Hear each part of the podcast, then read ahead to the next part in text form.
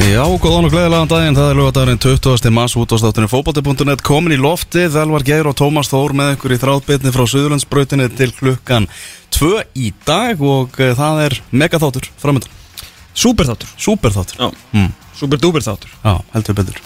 Hvað ætlum við að gera? Við ætlum að eða svona fyrir klukkuntímanum eh, eða cirka bát svo með eh, einum bestu þjálfurunum á í Pepsi Max deildinni maðurinn sem að er svona að reyna að breyta svolítið leikmynd fótboltans og hýfa breyðablík aftur upp í eh, já, titilbaróttu að fara að vinna eh, some silverware. Óskar Rafn eh, Þorvaldsson verður með ykkur hérna fyrri partinn og síðan setjum partinn, Elvar. Já, þá ætlum við að ringja uh, til Þýskalands mm. þar sem að Arnóð Þú Viðarsson, uh, landslistjálfari er mættur, ég held að hann er mætt hvað á fimmtudaginn. Mm. uh, leikmennir sem fara sem að týnast innvæntalega á morgun og síðan á mánudaginn einnig Þetta er náttúrulega allt sem hann að fara af stað og það voru tíðandi í gerkvöldi Björn Bergmann dregur svo út úr landslýshofnum og En rosa spenntur. Hann var rosa spenntið fyrir þessu, það var ekkert gefið hennu bástæða fyrir því af hverju hann dregur svo út og um, við spyrum Arnar að sjálfsögðu út í það á, á eftir, það er uh, Viðar Kjartarsson býst ekkert við því að vera valin í landslið á næstunni, sagði það í viðtali Það er ímislegt að að ræða við Arnar og Svo náttúrulega eins og svona almannavarnar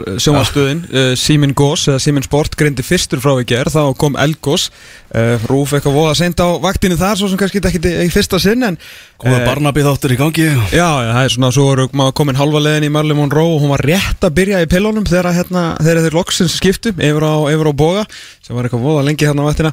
Uh, en að því sögðu að þá svona fóð maður að pæli hvort það er nokkuð flóið og hvort það er loksins Það þurfti náttúru hamfæri til þess að Hannes Þór Haldursson myndi ekki verja mark Íslands í, í fótbollsalansleikin með þetta útsýnis gós þá verðist mér nú, verðist, virðist nú vera nokkuð ljóst í sérstaklega í ljósið þess að Kristján Már Unnarsson nánast lendi eh, ofan á gósunu áðan í beinu útsýningu á vísi. Þá held ég að það verði held ég að það verði flógið þá mánundaginn til Þískalands Já, á morgun, þeir fara á morgun. Á morgun? Já, enda betra.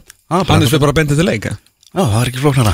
Nei, það var að hæfast hér í beinni á Stutsu Sport. Það eru þríleikir, spila 12, 2 og 4 í áttalegu úrslutum lengju byggarsins og Valur Káur var að fara af stað og síðan er það, í dag er það síðan við reiknu breyðablík og káa og stjórnunar og fylgis Já, textalýsingar frá öllum leikjum á, .net. Já, eittlið nú þegar komið áttalegu úrslut lengju byggarsins í gær í svakalega skemmtilegum mm. fótballtaleik að þú heldur ekki með vikingi uh, Þrjú þrjú, vítaspunni keppni, Ingvar Jónsson mögulega á rakslalið, Kári Átnason fór í, fór í markið. Arna Gunnarsson heldur áfram að leita nýjum og spennandi leiðum til þess að tapa fótballtaleikjum og, og prófa eina nýja í gær og, hérna, og bara gekk alveg fullkomlega upp hjá hann Já, var ekki, var ekki öll mörg keflað ykkur Rúnar Þóra á, á Gips og Rúnar Þór er svolítið góður í fótballta mm. hann er alveg rosalega góður og uh, Joey Gibbs er líka alveg frábær og það, er, það verður þannig, þetta er svona nákvæmlega sem að spáði með Joey Gibbs að ef að þeir geta lagt upp ykkur færi á hann í deild sem að er einni ofar heldur en þeir voru að spila þá mun hann skora mörg, yngar En vikingar með allt í lás í gær, 3-1 yfir, Helgi Guðjónsson nýbúin að móka boltanum yfir af marklínu, uh, fyrir fyrir tveir tígull, við keflingar svona ílega átt ekki séns, þá ákveður Arna Guðjónsson að henda inn Sölvöki Róttisen, láta hann fá nokkra mínútur, fannst þetta góðu tímumbúndu þess, fór í þryggjamanna vörn, allt í skrúuna, 3-3, vitarspunni kefni, úr leik, takk. Nákvæmlega, við erum að horfa á vittal sem að eh, Sverrir hérna tók við Arnar eftir, eftir leikinni gær, mm. hann snaði svona basically að Sölvi ætti að vera í því hlutverki núni svo um að vera til taks Já, ég, hérna, skrokkurinn er bara alveg að, að gefa upp önduna hjá Sölvi mm. Róttisen, því miður, uh, náttúrulega svona binna, hvað maður að segja, binna long time coming þannig og maður eiginlega bara er í, í sjokki hvað hann hefur ennst lengi, þetta ég gaf allt mér og, og fyrir hann til bekki félag og skólabróður og, og æsku vinnur sko, en hérna, þetta lendi í, í róttalegu bílslýsi á, á sínum tíma sem hefur náttúrulega verið að ángra baki hans og, og síðan náttúrulega bara með mörgum leikjum í mörgum löndum á, á mörgum sviðum þá hefur svona, hefur skrokkurinn alltaf farið niður og við og niður og við og hann nýkominur aðgerð og átti kannski ekki svona bestu 20 myndur í gerð. Algjörlega. Ræðum betur séðan um fréttir úr íslenska fótbolltanum og meira um lengjubikarin hérna í setni hluta þáttarins. Mm -hmm. Við ætlum að fara í smá skilabóð og svo er það Óskar Rapp þar strax á eftir. Það held ég út á státturinn fókbalti.net á X977 og hinga er komin gestur þáttarins Óskar Rapp Þorvaldsson, þjálfari Breiðabliks, við erum hérna með Val Káer á, á, á skjánum hjá okkur. Það gerir mjög svo sem enga greiða með að fá hann hér þegar að, það eru liði í sömu delta að spila, þannig að þetta er svona viðtal á sama tíma og það er verið að leika greina, en við sjáum svona hvernig þetta fer, en, en Óskar velkomin. Takk fyrir það. Gaman að fá þig. Já, takk. Er þið hérna, við ekki bara aðeins að byrja hérna Sko þú ert endar aldrei búin að gera raun og veru upp upp síðasta tíumbil þannig, þannig að við þurfum svolítið að aðeins að fara yfir þetta fyrsta áhugaverða tíumbil en við ekki samt aðeins að svona klára okkur af með hérna undirbúinistímbili, svona hvernig þetta hefur verið þar sem að þú ert nú að fara í flottan leiku eftir og hvetju að sjálfsögða þá sem að geta til að mæta á, á Kópásvöldin í dag. Breyðabli Káa, þetta var mjög flottu leikur tvekja mjög vel mannar að liða en svona prísíson uh, á tímum uh, COVID en samt ekki, hvernig, hvernig er þetta búið að vera hjá þetta? Þú sattu með liðið og uppsöfluna uppgangi Já, já, já, ég er hérna ég er bara nokkuð sáttu við, við, við þann stað sem við erum á uh, byrjum að æfa hérna 10. desember bara svo allir og, og, og, og höfum einhvern veginn að æfa þess að, að, að það hefði verið trublað Mhm. og, og höfum spilað nýju leiki og þetta er svo sem bara gengi ágætlega veist, stundum við gengi betur en annað menn hafa verið, verið meira misjaflega ferskir í og, og en svona mér finnst einhvern veginn takturinn hafa verið ágætur og og kannski verið aðeins og margir menn í meðslu hjá okkur Mhm. en, en, en, en þá er svo sem bara verið tækifæra fyrir aðra til að, til að stíga inn og, og, og, og minna á sig Mm.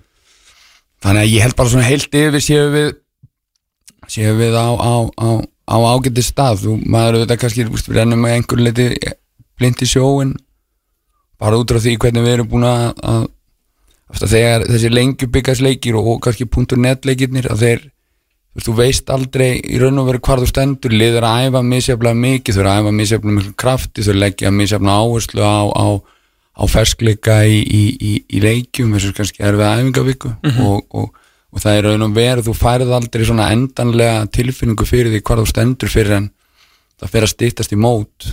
Ég myndi segja svona kannski á ég geti gefið þér skýra svar eftir svona tvær vikur. Mhm. hvar stendur breyðarblik nákvæmlega? Ég heldur stöndum ágætlega í samanburði við okkur sjálfa fyrir ári. En, en, en, en hvar við stöndum hvort þeim liðum sem við erum að keppa við ég, ég, ég tristi mér ekkert að segja það. Hver er svona stóri munurinn á, á æfingunum þínum kannski núna og, og á sama tími fyrir að kannski segjum í janúar í fyrra, þá varstu vantilega bara að kenna það sem að þú vilt, vilt predika. Er þetta orðið meira, meiri kannski drillur núna? Þú veist, ekki, þú veist, er ekki saman byrjandanamskið?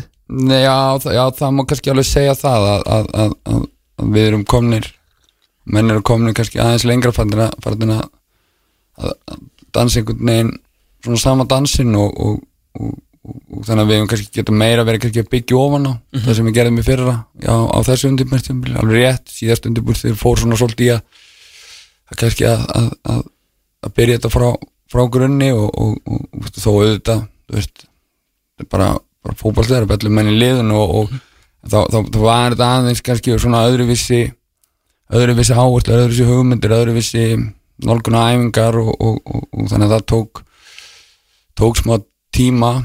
En, en, en já, ég myndi segja að við höfum náð að, að einhvern veginn svona byggja ofan á byggja ofan á meira í, í vetur og mér finnst það að vera góðu stígandi við erum búin, að æfa mjög vel ekki mikið á sig og það hefur svona finnst mér að hafa tekist það sem við, við lögðum upp með í, í byrjun undirbúið tímulsins Hvernig eins og bökkum bara raun og kannski á svona fyrstu vikurnar á mánuðina en að maður, maður heyrði alls konar þú veist, leikmenn vilja eitt og svo allt í raun þegar þetta er einhvern veginn þá vilja þér annað og allt það sko. Fannstu fannstu bara fyrir þingslum stundum á svona kannski fyrstu vikur og mánuðunum þegar menn kannski vantilega tekið á svona tíma að komast inn í þetta? Ég meina ég ætla að gíska að þetta er ekki alveg það sama og þeir hafa hafa vanist þetta var kannski ekki alveg eins og ég maður kannski reyði ekki við þetta eða eitthvað ég veit ekki alveg svona hvað, hvað ég er að reyna að segja en ég held þú skilir mig samt sko Mm, Nei, nei, ég fann nú ekki nema, nema ást frá, frá, frá öllum Ok. í, í þessu verkefni en en, en, eh, en, en auðvitað, auðvitað er, er þetta, það er erfitt fyrir hérna og kannski sérstaklega erfitt fyrir fyrir leikmenni í, sem eru búin að vera lengi í, í topparötu lengi kannski svona í efsta lægi íslensk fótbolta. Þegar að, að einhver kemur að segja við þá hei, gerum hlutina allt öðru seldur en þið að verið að, að, að gera. Mhm. og, og, og, og það er alls ekki sjálfgefið að, að leikmenn kaupi það. Nei, ég man að þú skoðast alltaf að segja um mig sko að þú trúður einhvern veginn ekki hvernig Arnar fekk Kára og Solva til að spila þennan bolta sko, svona kannski svona vantarlega eitthvað, eitthvað svipað? Já, Ná, já það, var, það var auðvitað þú veist, það, það þarf auðvitað að þú þarft að vanda þig við að, að þegar þú ert að koma með þína hugmyndafræði þá þarf þetta að vanda þig við að, að, að selja og þú þarf að bera virðingu fyrir því að, að, að það þarf að hafa fyrir því að sannfara mennum að leiðin þín sé leiðin sem við ætlum að fara og við ætlum að fara hana saman. Það er ekki sjálfgefið að hoppa allir á vagnin þannig að það þarf að hafa fyrir það þarf að leggja það þarf að sína einhvern veginn ganga fram með góðu fordæmi mæta fyrstu, fara síðastur leggja það mikið á sig að, að, að, að, þú set einhvers konar, konar fyrirmyndi því og, og vera sanga með sjálfu þér. Þannig að, að, að og ég og mér fannst liðið vaksa og mér fannst liðið eh, standa sér vel í að að, að taka móti nýjum áherslum og, og, og ég held að, að og ég upplifði aldrei í gegnum þetta fyrsta ára að, einhverju væru að, missa, missa móðin einhvern veginn og, og, vildu fara í eitthvað annað. Svona þessi, þessi kerfisbreyting já, er svona, þú færið inn í þetta hvað heit, heit þetta til að byrja með 361 eða er það, er það rétt nefni á, á kerfinu til þess að í svona mega einföldun fyrir hlustundur Já, já, jú, jú, þú getur kallað það og, og, og, og sjálfsagt einmitt einföldun. Veist, ég var einhvern veginn reynd að horfa á það freka kannski þú veist, að, að skiptir í raun og veru að einhverju tíma búin ertu með tvoðu vörn og svo ertu með þrjáðu vörn og svo ertu með fjóru vörn og það einhvern veginn þú veist, það, það kerfið í sér slíkt er kannski fyrstu áttasekundar í leiknum og síðan Já, einmitt, einmitt. er það einhvern veginn einhvern veginn reyfist það eftir í hvernig leikurinn þróast og takturinn er en, en, en já, þetta var í grunninn þryggja manna vörð með, með, með fjögra manna tígur með tömu vangbakverðum og, og, og einu sender Já. 361 heitir það uh, en svo einhvern veginn þú veist, þróast það og, og, og, og við svona blönduðum stundum byrjuðum fjóra manna vörn stundum byrjuðum við þryggja manna vörn stundum varð fjóra manna vörn en að þryggja manna vörn stundum varð hún að tvekja manna vörn og, en varstu ekki komin bara svona í fjögur manna í heldina svona setni hluta móts eða? Jú, það er og verið má segja grunnskipulæði síðustu fjóru leikjónum sem við spilum hafi verið fjóra manna vörn uh, hins vegar, þú veist, getur þú veist, er fjóra manna vörn fjóra manna vörn þegar Davíð Ingvarsson vinstri bakur nokkur um að herri meðarstöðu heldur en Sigur Eitt Lárusson sem er vinstri kantmaði hjá Val þú veist, er, er þetta þá fjóra manna vörn í rauninni? Eða bara, bara á pappir Já, á pappir, þannig að já, fjóra manna vörn á pappir til síðustu fjóra leikjuna, klárt mál Já. þar á undan myndi ég halda við um að spila 70% af leikjónum í, í, í þryggja manna vörn á pappirunum Mm. En nú ertu í fjögur manna svona þegar ég, maður horfir á formation í ekki eða hvað? Nei, nei, alls ekki Ekki? Nei. Við erum búin að vera að spila þryggja manna verið langstæst að hluta þessar leikja Ok, ég skilði það sem svo Damir væri hæri bakur hérna.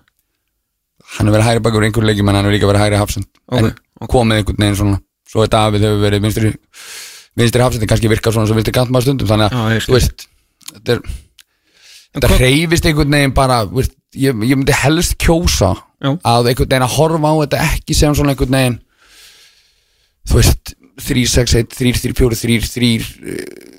3, 3, 4, 3, 3 2, 5, 2 eða hva, hvað sem það er eða 2, 3, 5 eða, eða whatever.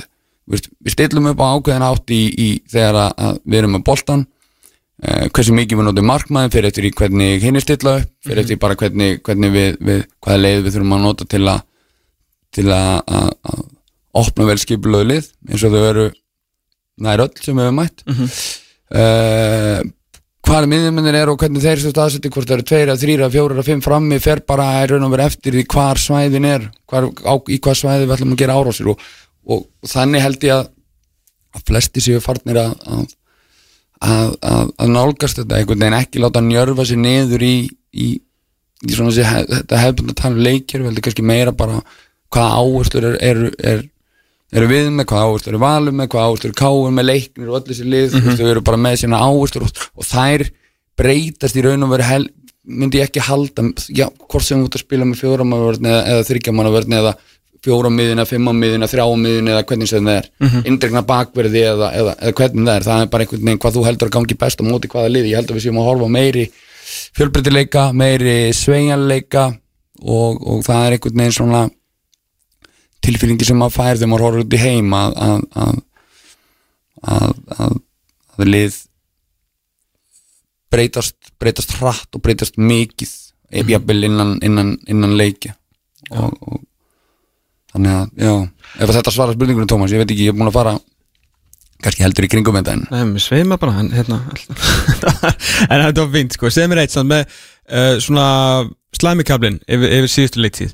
Það svona kom á einhver svona úslið sem voru ekki alveg að að falla og þá náttúrulega fór mikið að tala um hvað, hvað liðið verið gott, hvað liðið verið dýrt hvað það voru mikla væntingar uh, á liðið, kannski mest, mest svona utanfrá, þú svona, varst nú nokkuð svona hóstiltur allan í, í aðranda mótsýðin við til sem að, sem að herði við, herði við þig, hvað hérna fannst þér eins og eitthvað svona pressa að vera að rannast upp á þig innan félagsins eða var alveg skilningu fyrir því að þið væruði í verkefni? Það er oftast eitthvað sem fylgir ekki íslenskum knæspunulegum þá það er svona skilningur á, á verkefnum sko. Já, þú þarf deila þú þarf að skipta sér tvent mm. þú þarf að skipta sér eða ég vil í þrend uh, ég uppleiði ekkert annað en 100% stuðning frá, frá stjórn, mm -hmm. starfsmönnum samþjálfurum uh, liðstjórum, leikmönnum bara 100% uh, með bregðarblis er mjög þyrstir í tilla mm -hmm. og, og hafa eðlilega bara og dreymur um að upplifa aftur þessar stórgóðslegu stundir sem er áttu 2009 og 2010 mm -hmm. og, og ég hef fulla skilninga því og beð mikla veringu fyrir því þannig að, að þegar að, að hlutinni gengur ekki svo kannski við vildum í, í, í sérstaklega í júli sem var, var okkur erfiður þá þetta voru þá, þá, þá fann maður alveg fyrir því okay. jábel þó ég sé ekki mjög vel tengdur inn í Kópói eða, eða, eða búi í Kópói en konum er vinnur í Kópói og, og, og fann fyrir því uh, um, svo ertum við fjölmilana og fjölmilanir eins og við þekkjum sveiplast bara eftir í hvað hendar hverju sinni og stundum eru við, við sýndi hér og er algjör bara ringalega flottu þjálfari og það er eiginlega engin ég, ég er ekkert búið að það er ekkert hægt að meta mig í dag það er langt síðan, var hægt að meta mig mm. en svo einhvern veginn er maður veist þegar að illa gengur þá er bara, þá er í grunn bara einn ábyrgur. Og, og, veist, og ef að fjölmjölum langar til að taka þjálfara niður, þá er það rosalega auðvelt. Þegar illa gengur, þá er þjálfan ábyrgur og þá er hann bara með, með skotmark á bakinu. Og þú veist, jú, jú. Ég fann alveg fyrir press og, og, veist, og sá sem þykir sketa einhvern veginn hrist hana bara af sér eða komment og eitthvað svona. Mm -hmm hann er hann er þá allavega sterkar en ég. Ég, neina, veist hvað, hefði helstur til ég bara geta lokað öllu og hægt að hlusta á þetta en ég er bara svo þið, ég er allir upp í fjölum ég er bara Mhm. fréttafíkil og ég bara get ekki hægt að fylgjast með. Þannig að, þannig að ég var svo sem las allt úr sjálf á mig og, og, og blótaði stundum mönnum og, og, og var ekki alltaf ánað með þá en, en, en þú veist þegar allir á botnin kvólt þá er þessi menn hafa þetta af atvinnu flestir, aðrir er að gera eftir skemmtunar og hafa bara fulla rétt á því að, að hérna að gaggrina ef að menn, ef að menn töldu það var rétt að ég er í reikin eftir átt að leiki á fyrsta tímabili vegna þess að árangurum var ekki nógu góður þá bara, þá verða menn að bara hafa leifi til þess. Ég var kannski ekki alveg sammálaði mér fannst það heldur snemt en, en, en menn verða bara að fá ég verð bara að vera viringu fyrir því. Mm. En gerur það samt, eða ertu bara að segja þetta við okkur núna? Já, þú veist, ég Nei, ég er bara að segja þetta við sjálfa mig líka. Veist, Ég verð að bera virðingu fyrir því að, að, að, að, einhverju meg að hafa skoðanir sem ég er ekki sammála. Ég þarf ekki að vera sammálaði alls ekki. Og, og, og ég þarf ekki að klappa mannum á bakið. En, en, en ég verð samt að bera virðingu fyrir Hversu óþægilegt sem það er, hversu mikið sem það stingur og, og það er alltaf þannig að það er saman hvort þú ert að gefa út bók eða þú veist það sem hún fara eina stjörn og þú veist tekin að lífi það er bara vond vegna þú ert búin að leggja sálðín í verkefni Einmitt. og þegar þú setur sálðín í verkefni þá ertu svona viðkvæmar þú ert meira vulnerable. Er, er, hva, veist, bara það er auðveldar að særa þig. Og það er líka þegar þú leggur sálinni í fótballtaleik og leggja upp leik og þú er, veist, ert með einhver með liðið og þeir eru einhvern veginn búin að leggja dag og nótt og, og þá bara og svo gengur þetta ekki og svo kemur einhver og segja þér hversu illa þetta gengur, hversu ömulega þú ert. Það, þá bara, þú ert viðkvæm Já, já. Og maður bara, þú veist, ég held að þjálfar að verða að fá leifi til að, þú veist, bara einhvern veginn að, að vera viðkvæmur og vera, þú veist vera manneskjur. En maður væri bara, neða, þetta er ekkert málið þetta bara geggja, þú veist, að sjálf að byggja sér ekki og frábært bara. Þú veist, hvað er maður þá? Þá er maður orðin einhver vél eða ekki? Þannig að, að, að, þannig að manneskjuleil þátturinn af manni verður bara langar að fara til sæng og gráta og bara, þú veist, þetta er alls verður alls svo erfitt, ert einmann í þessu jobbi og eitthvað svona. En, en svo það bara stígu upp og, og halda, halda áfram, það hjálpa kannski ekki þú kemur, kemur við all þreymur sekundum til leik, því það getur segja það er ekkit, þú veist, það er ekkit oft gálat sem kemur út um manni. Stundum nei. bara einhvern veginn svona hefði maður til í að vera svona, er betra að draga aðeins dýbra andan og kannski labba eitt ringi kringu völlin að, að, að áður en maður kemur í vital en, en svo, svo er maður bara aftur ég segi maður, ég er bara mannlegu maður og ég er bara með mína tilfinningar og stundum er ég viðkvæmur, stundum er ég sár og, og stundum er ég glaður og allt átt á milli. Og, og þið fáið örgulega bara eins og í fyrra fáið bara að sjá allan skalan sko. En finnst þið verst sko eins og uh, eins og ég, til dæmis, ég tala bara um sjálf just, ég veit mína styrkleika og veikleika í fellum fótbolta og ég reyni svona eins og ég get að tala hvað minnst um taktík þegar ég, þú veist, fer ekki frá þjálfarnámskið og ég bara svona mjög ég er mjög grunnur þar, ég tala kannski meir um, um, um personur og, og, og leikendur og þannig sko, en af því að þú er svo taktískur þá er alltaf mjög mikið talað um taktíkina þeina, þannig ég ætla nú að ég myndi mér að þú er eitt maður að þú veist, skrifa, eh, fyrir ekki verið að lesa greinar eða bara, þú veist, skalla síma en að hlusta á eitthvað podcasta sem verið að tala um fótboltafræðina þeina mæntalega á okkur um bara kolröngu fósundum þú veist, fyrir það mest í töðunar að það er verið að segja eitthvað því að þú kannski fær ekki tækifæri til að útskýra það svo til að gera. Við sjáum það bara í 90 myndur sko en svo kannski einhver annar að útskýra fótboltnaðin á ránganhátt Já, já, miskilega kannski eh, Já, miski- já, já. jú, jú, það, ég skal alveg viðkjanna það það fyrir stundum verulega í, í tögatan á mig, en kannski meira bara þú veist, er að, að þú veist, margir af þessum mönnum sem er að fjalla um þetta uh, gætu svo auðveldlega kannski bara tekið upp síman spurt, þetta er yfirleitt ekki bara strax eftir leik eða eitthvað.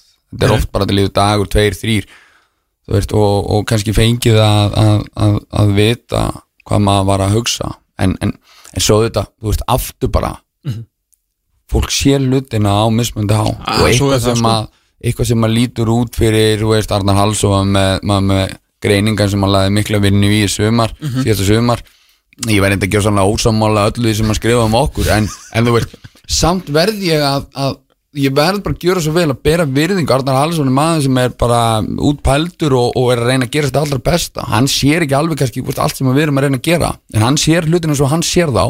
Og þá erum maður bara að bera virðingu fyrir því öll, öll umfjöllun er góð umfjöllun og því dýbri sem hún er því, því, því, því betra. Ég veit ekki að hún er kannski ekki alltaf skemmtilegur þegar hún er rosa djúb en, en, en þú veist, það væri alveg gott ef að, ef að, ef að, ef að sérfræðingarnir myndu sennilega einfalda sér lífið ef þeir myndu kannski heyra í þjálfurum fyrir tímabil, hvað er að hugsa hvað veist, ég hugsa myndi ég hugsa myndi myndi hjálpa þeim. En fótboltinn bara sem, sem slíkur uh, náttúrulega svona svolítið, svolítið öðru vísi. Hvernig svona fannstu svona utan að þeir að svona, hvað, bara þannig, þetta bara svona hvernig fannst þér umræðan svona svo heyrðir í kringu þig um hvað þú verður að, að gera. Af því að það verður að segjast að við Íslingar erum ofta ekki alltaf hrifin af einhverjum einhverju nýju sko. Og það er mjög auðvelt að að fara að halda á móti þeir sem eru að reyna að, að svona hvað var að segja, að fara úr hjólförunum sko. Mm, Já, sko ég heyrði eiginlega bara leiðilega hlutina. Þú veist, þú heyrir aldrei eða mér finnst maður sjaldan svona heyra, þú veist, já, þeir eru að gera góða hluti og, og hérna, já, það er bara flott já, með eitthvað svona. Ég heyrði aðalega bara, þú veist barnanlegir hrókafullir uh, þetta gengur ekki uh, prófa aftur á næsta ári uh, og, og hérna og þú veist, nú er bara fara að læra að verjast og, og fara að spila varnarleik og eitthvað svona. Mm -hmm. og veist, já, og ég, ég segi bara aftur ber veringu fyrir ber veringu fyrir því og, og, og hérna en, en en ég er svona veit það ekki. Mér fannst, mér fannst kannski svona að þóruðar gleðin yfir því að, að, að, að, að við vorum ekki, ekki þú veist, vorum ekki frábæri síðast þessum og áttum, þú veist, vorum áttum góðan kabla og svo stuttum við niður þessa milli og, og síðan vikingu kannski sem er svona heitlið sem hefur verið, verið, verið talað um sem að, að lið sem kannski er að að gera eitthvað svona aðeins öðruvísi að, að öðruvísi frá þessu hefðbundna sem hefur virkað og bara að veist og, og kannski sérstaklega og svo þarf maður að passa sig líka því að, að, að, að, við erum auðvitað með, með þjálfara heimi Rúna Kristins, Rúna Pál og ég sé ekki að gleyma neinum og Loga Ólasötur sem komur núna aftur.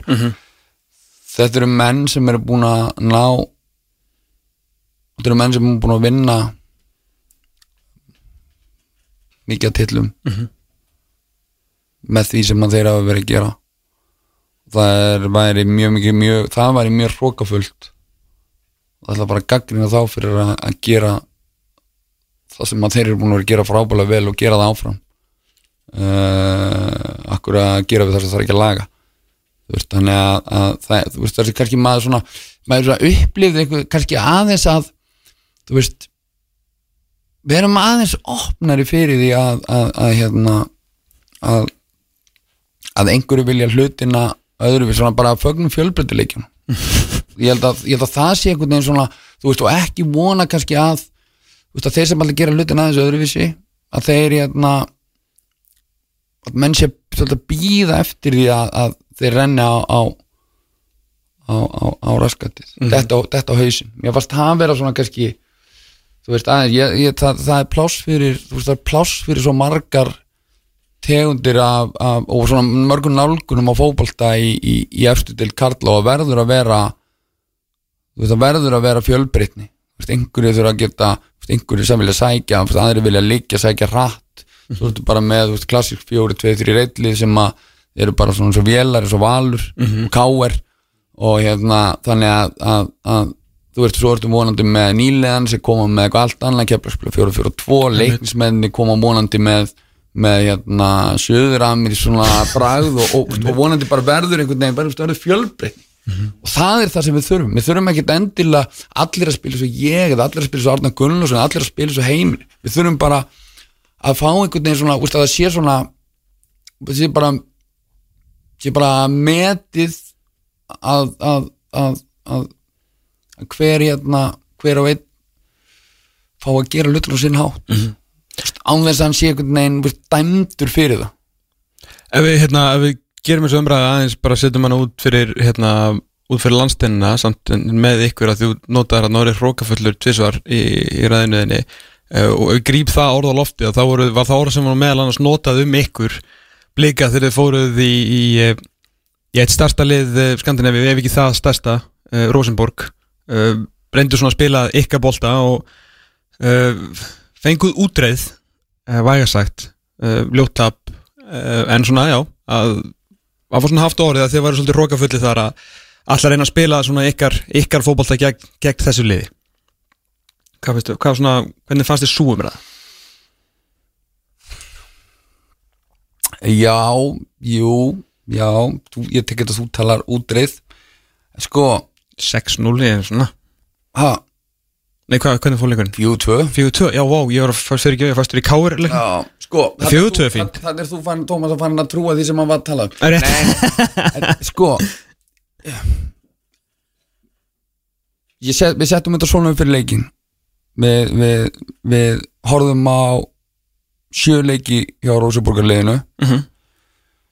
uh, Sáum að, að, að liðið var stert en, en það var ákveðni veikleikar í því Það er vartanlega sóknulega uh, voru í sögulegri læg, eða svona ekki sögulegri, voru í læð samt í fyrir það ekki Já, þeir, að, mælikvarða? þeir, voru á, þeir voru reyndar á fínu skriði þegar þeir mættu okkur, þeir byrjuðu hörmulega Ok, ok. og hérna hvað það þjálfa hann ekki reikin eftir fimm, fimm um, umferðir. um, um, svona, var, uh, og innan félagsvandumál í gangi og svona já, þannig að það var komin að einhver einhver gamall refur úr, úr úlingarstarfinu sem átti svona að koma með sein sanna Rosenborgar stíl á þetta aftur. Mhm.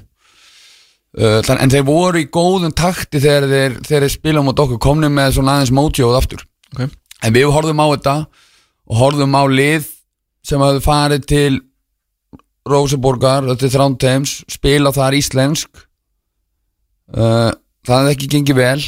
Vist, jú, Valsmi voru svona nálægt í en Valsmi voru með bara allt annað lið allt annað annað blöndu af leikmann við vorum með. uh, þarna tveimur árum áður þegar þeir er, um, voru sennilega ofn, bara mjög ofnir að, að sláða ekki út. Mhm. en það var einhvern veginn og þá voru lið búin að vera veist, leggjast vera varkárir og einhvern veginn svona taka þetta á, á, á klassískum íslensku stíl sem hefur stundu gengið ekki alltaf og alls ekki þarna vegna þess að við fikið nokkuð stór töp. Og við hugsuðum þetta, við erum að spila á móti Róseborg í one-off leik í, úr átivelli þar sem að líkundan á því að við vinnum eru ekkert bráðarslega miklar og við mátum þetta svona eigum við að fara og gera eitthvað sem við höfum ekki gert síðan við byrjuðum að, að vera saman sem er að leggjast niður leifa þeim að lúðra boltanum inn í meðalhæðin á tveimur sendur þeirra var 1.93 Dino Islamovic sendur þeirra aðsendur þeirra er tölvert betri loftinleitur en allir íslenskir sóknarmenn. Áttu að gera það og vera ekki vera einhver, vera einhver svona BC eftirlíking af, af, af liðunum sem eru virkilega góðir. Og það er, það er íslensk lið sem eru frábæri að leggjast niður og verjast. Eða áttu við að, að vera sanga við sjálfum okkur trúir hugmyndafræðinni og, og, og fara þarna og, og, og prófa hversu langt við værum komnir á móti mjög góðu liði. Og, og veist, ef að það er rókafullt að, að, að fara með sína og vera trú sinni samfæringu og, og einhvern veginn þú veist fara og gera það sem að þú, þú, þú ert búin að vera að vinna að, að, að já, þá skal ég bara þá skal ég bara gangast við því að vera, vera rókafullir en í mínum huga, þú veist, er það er það bara einhvern veginn veist, er það, er það myndi ég segja að vera í freka bara snúast um, um, um að hafa, hafa trú á sjálfum sér og, og einhvern veginn þóra að falla þóra að gera mistök þóra kannski að líta illa út og, og, og standa upp og læra því frekar heldur en að verða einhver ef, ódýr eftirlíking af, af einhverjum allt öðrum og, og falla á, á falla kannski á þeim falla þannig. Vegna þess að það, það, það er held ég ekkert umulega í lífinu að, að, að, að tapa og ekki vera þú sjálfur. Það er alltilega að tapa þú ert sjálfur. Það er alltilega að gera mistök. Og þetta er einhvern veginn veist, mér varst þetta að vera svona mér varst þetta, þetta að vera kannski svona, veist, þarna helst fannst mér umræðan einhvern veginn, þú veist, ætla að fara að stýra okkur í að að, að, að, þóra ekki að gera neitt nýtt. Þóra ekki að, veist, ég veit ekki hvað það er einu sinni nýtt, bara þóra bara þú veist, þú mátt ekki vera þú sjálfur. Þú þarft bara að gera eins og þetta hefur alltaf verið gert. Hérna er handritið að því að mæti Evrópuleiki og það, veist, það er svona. Ef þú fylgir því ekki þá ertu hrókafullur og getur bara getið þessum út í frís og, og, og ef að umræðin er þannig og þarf að vera þannig þá er það bara þannig en ég hefði bara eftir á hyggja þá hefði ég bara aldrei gert neitt annað heldur en að mæta nákvæmlega eins og við mættum í náttúrulega leik, ég myndi aldrei breyta út af venni þó ég viti þess að ég viti í dag. Þú veist, það var ekki við réðum bara ekki við Tóri Reginius en í hotni, hann bara var á sterkum fyrir okkur. Mhm. Þú veist, það kom ekki leikaferðinu við. Þannig að, að, að hérna þannig að þannig að, að þannig ég sé ekki eftir ég sé ekki eftir neinu og mér finnst einhvern neginn mér finnst, það kannski veist, kannski mættu við vera umbröðlindari fyrir því að, að, að, að, að einhverjir uh, fara undir ramman og, og, og en, en, en, en ég ætla svo sem ekki að, að, að fara að veist, það er allir með sína skoðanir og, sína tilfinningar og ég vil bara bara bera veringu fyrir því. Uh, hérna, kannski horfum aðeins bara til, til sumarsins sem er þetta hefst núna bara eftir, eftir uh, nokkra vikur, minnum aftur að það er alltaf bara að bli káa í dag á Kópásvellinu klukkan, klukkan fjögur. Uh, stóra fréttir uh, bara í, í gær og reynda bara í, í vikunni. Brynjól Anderson uh, farinn. Þannig að þar mistur svona mjög, mjög góðan leikmann og eittin bara svona helsta mann.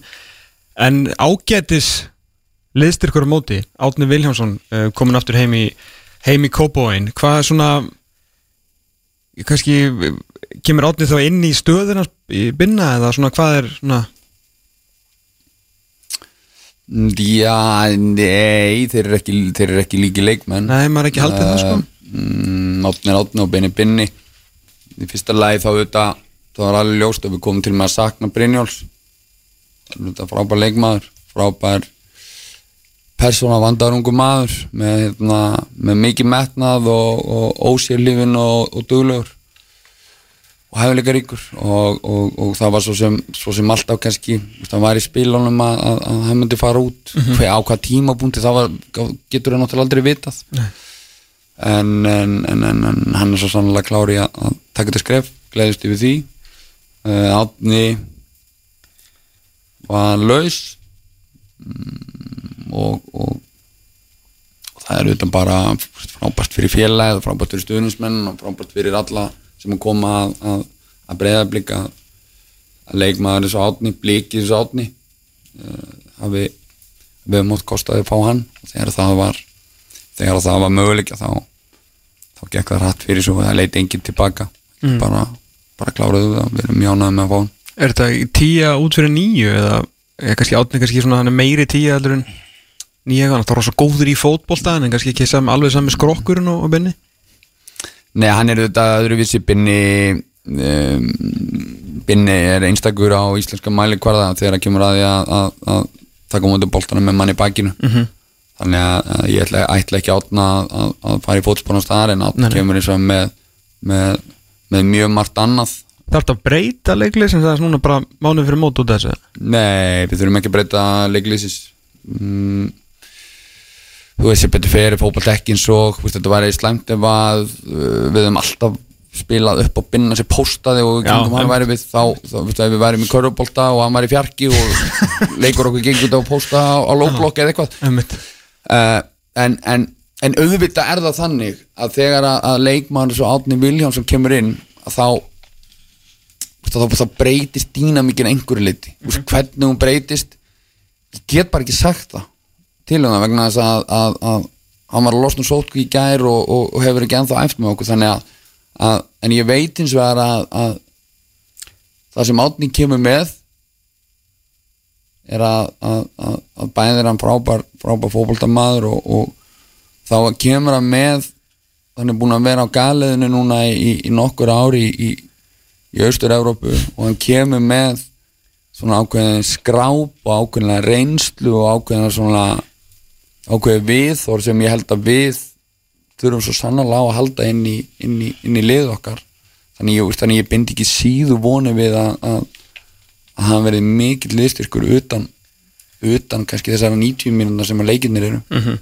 Já, mitt, mitt Elvar, eitthvað svona flera frettatengt?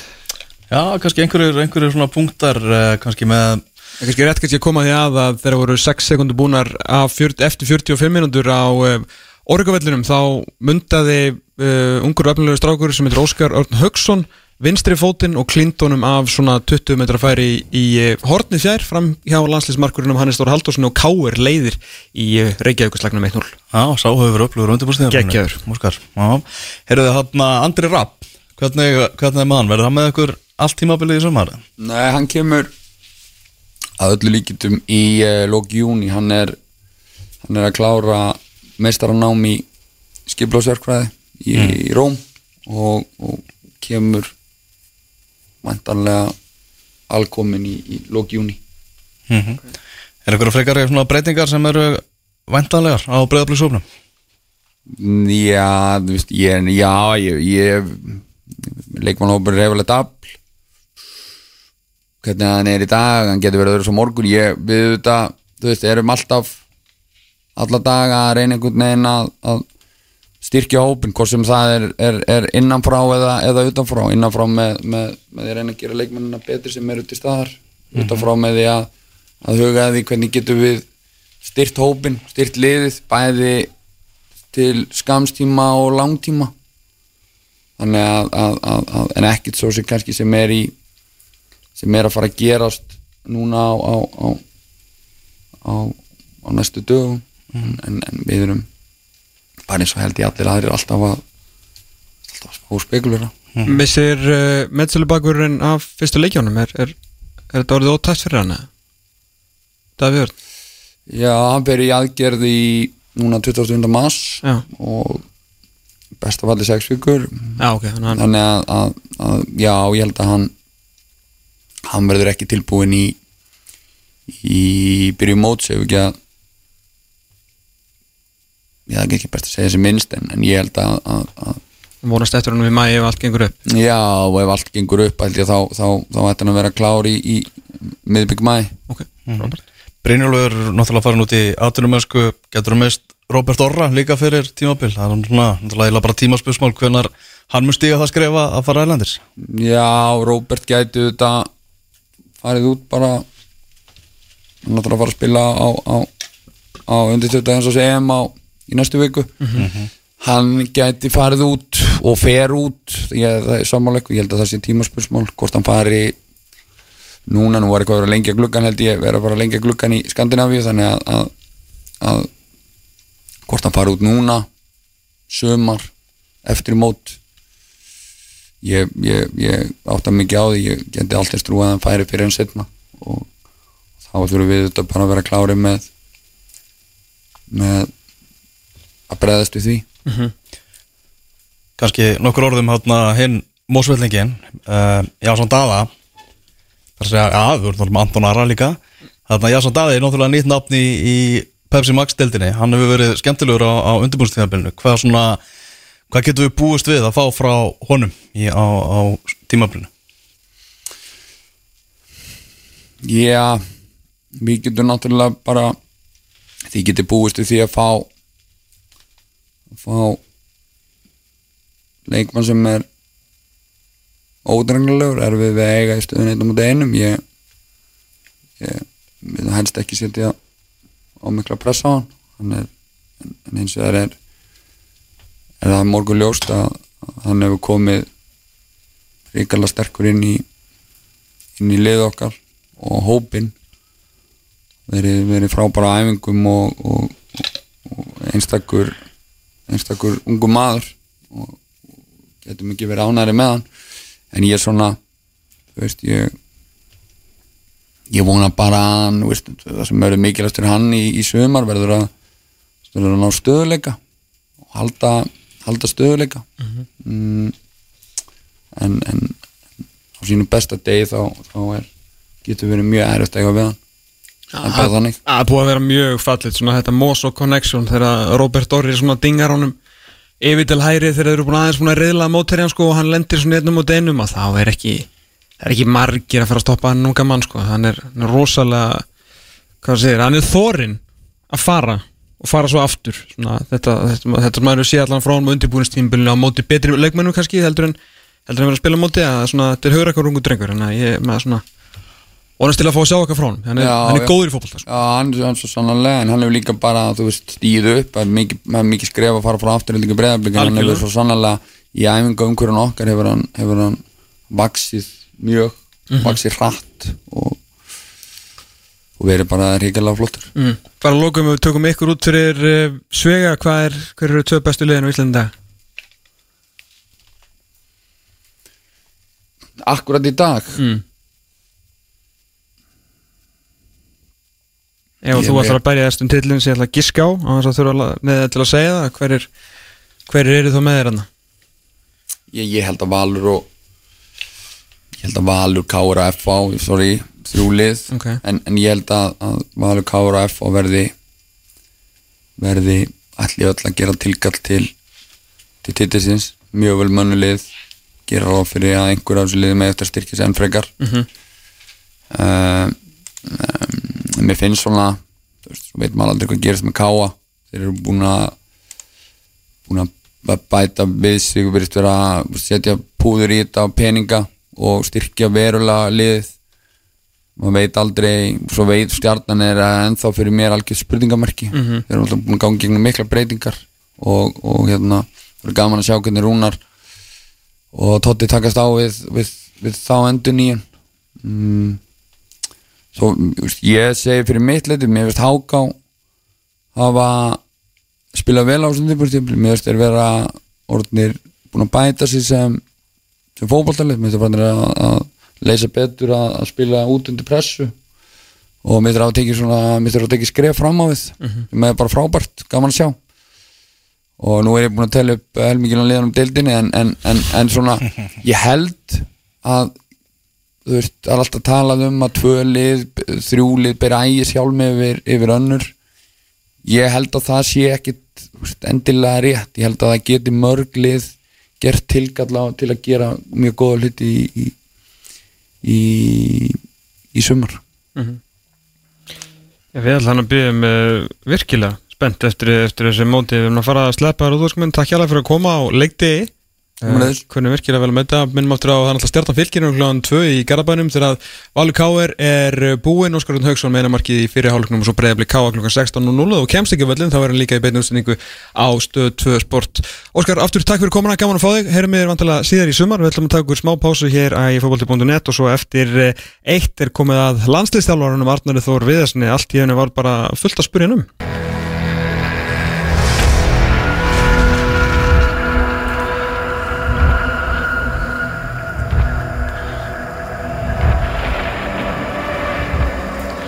Það er langt séðan við höfum hent hljóðhimnum á, á staði Já, þetta er uh, auðvitað.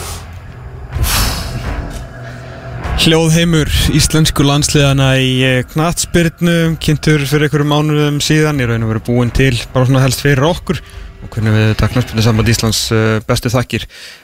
Fyrir það, það er svo sannlega við hæfi að setja hljóðheimin á því að það eru núna bara já, fimm dagir að svo í að ný vegferð íslenska landsliðsins, íslenska karlan landsliðsins í knaspinu hefjist þegar við mætum heimsmyndstörunum frá því 2014 Þískalandi í fyrsta leik undan keppni HM 2022 sem það fyrir fram í í Katar. Hvorki meira en minna. Þannig að uh, þrýr leikir á örfáum dögum ímislegt að ræða einhvern veginn uh, allt í einu. Mm -hmm. Það er algjörlega þannig og við ætlum að reyna að ná hérna í eh, Arnur Þór Viðarsson annan, uh, annan landsliðstjálfara Íslands, uh, hvorki meira enn minna sem að er farin til Þískalands þar sem að þjálfara teimið skrapp núna undan, þau fóru á fimmtudaginn sem að var frábær ákvörðun, svona í ljósi þess að ef að þetta já, hvað voru sérfræðingarnir fann að kalla þetta í, í nótt? Kettlingagós Já, það er þannig, bara hver sérfræðingun og fættur öðrum sem að mætti þarna og sagði bara þetta er ekki neitt. Nei, svolítið Þetta er- pyrruð að hafa verið vakin í raun og veru, að vera að standa yfir þessum yfir þessum litla Þetta er svona smá skraut bara. Li- litla eldhól. En þetta er flott svona, svona flott landkynning eins og, eins og án og að vera sko. Mhm.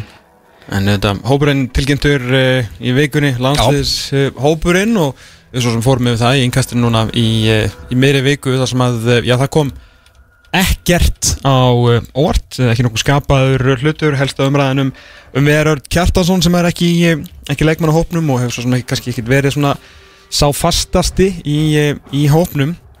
Undarfarin, undarfarin árin annars var eru hann Birkir og það eru Hannes og, og við gætum við gætum ekki stilt upp Sandi Tjenliðinu Já. Ef við viljum það. Mm. allir 11 sem byrjuðu í Sandi Tjen eru í hópnum Mm Arnar, Já, Arnáð Þór Veðarsson, já, sælvertu, þú ert í betni út af sættinu fókbalti.net góðan daginn, drengi. Góðan daginn Heyrur hljóðheiminn hérna undir eða? Hvað segirðu? Heyrur hljóðheim landsliðsins hérna undir eða? Nei, ég er bara alveg hirnalaus, grunlega. Æ, ég veit ekki, kannski heyrur hann ekki neitt Nei, ég veit Ég það veit ekki ekki hvað þetta tækna gildir í þessu Herru, hvað segir Arnáð, hvernig, er- hvernig lífið í, í Þýskalandi? Uh, Það er bara fínt. Við hérna, komum hérna saman á, á fyrstu daginn. Uh, þjálfara teimið og erum að bara stilla upp fundum og æfingum og stilla saman strengi okkar. Þannig að það er bara gaman. Hvar eru þið núna?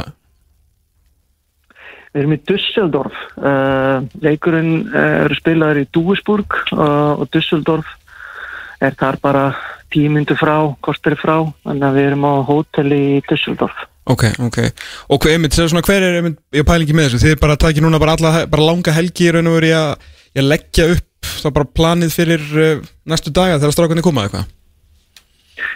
Já, þetta er náttúrulega yfirleitt eh, undir eðlum kringustæðum verið þetta fyrsta lagi þetta til dæmis að taka blagamannafundi sem var á miðgudagin er að taka hann bara á Íslandi og, og vinna þessa undirbúningsvinnu bara inn á skrifstofun KSI en það sem við erum núna bæði ég er mikið í Belgíu og Lasse náttúrulega búsettur í, Svíþjóð að þá hérna tókuð það ákvörðin að hittast hér uh, á förstu daginn og taka, eins og segir, langa helgi að vinna þessa undirbúningsvinnu. Uh, en hérna Jú, jú, það er bara að vera ákveða prógrami og hvernig er ætla að vera með fundi og hver er með fundin og hvað er gera á æfingum og þetta típiska. Já, er svona finnur þau að, að svona kveitibrústegarnir þeim, þeim er að ljúka, þú veist, bara voru gaman að vera þú veist, orðin landslýstjálfari skiluru frábært starf fyrir, fyrir metnafulla mann og allt það, en nú, nú styttist í styttist í leik, sko, nú, nú þetta vera finnur þau að þetta er að vera, þú veist, alvara núna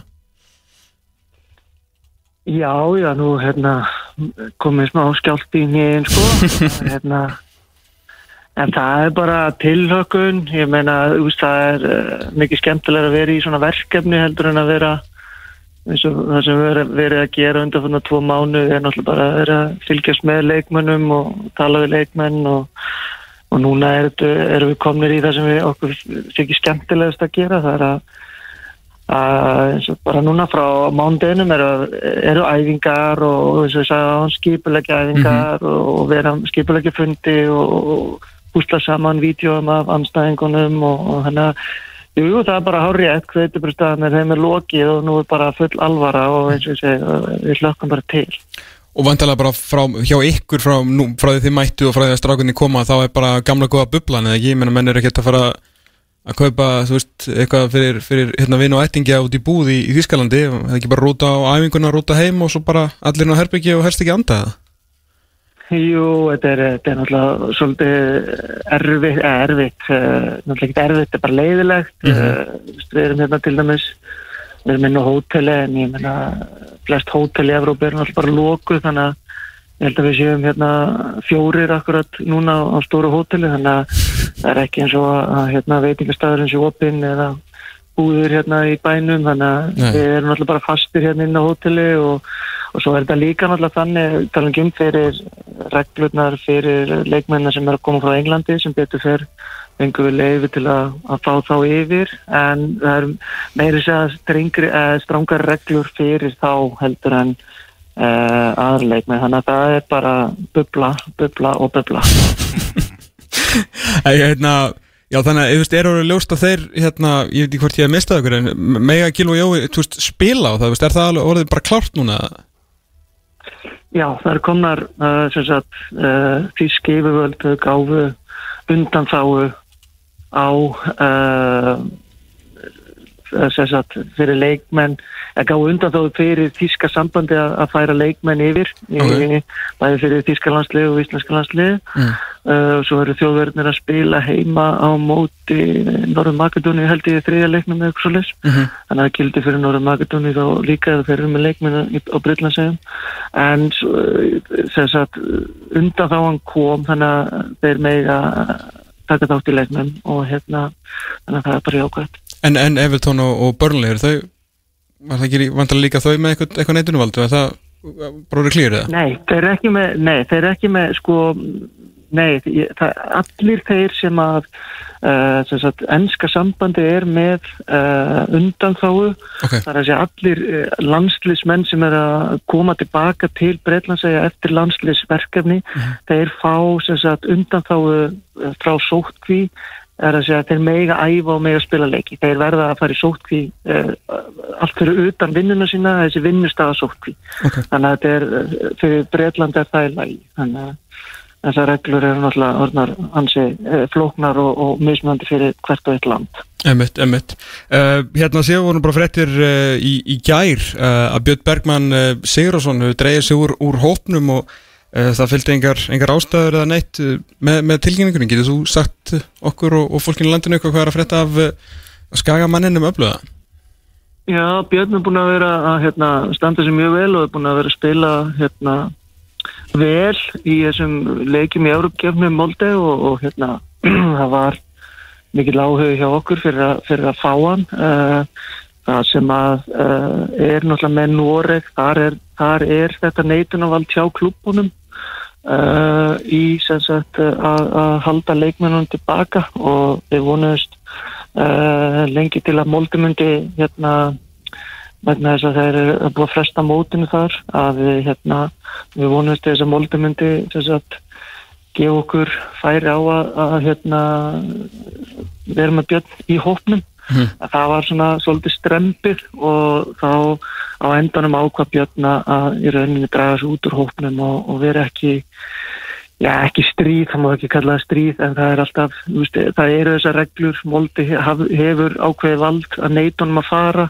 Uh, við höfum ákveðin ákveðin svona tromp í hendi heldur við að við gæti, að það þurft að fara í hart með það, að þá gætu við alveg fengið leiði frá UEFA það er náttúrulega eitthvað sem maður vill aldrei gera við erum í ykkur stríði við leikmenni að klúpa þannig að Björn tóka bara ákveðin sjálfur í gæra að hérna að einbytta sér að uh, sínum sínum félagslið í akkurat núna.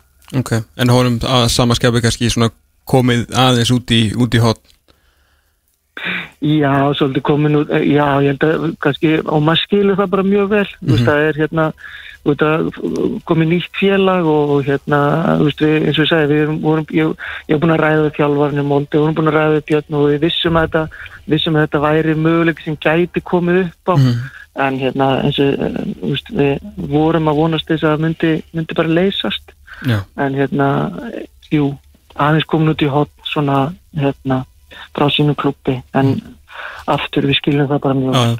Og engin, eh, var það af, af bublu ástæðum eða bara þessu á ákast að kalla engan inn eða, eða bara, þú veist, af hverju var það?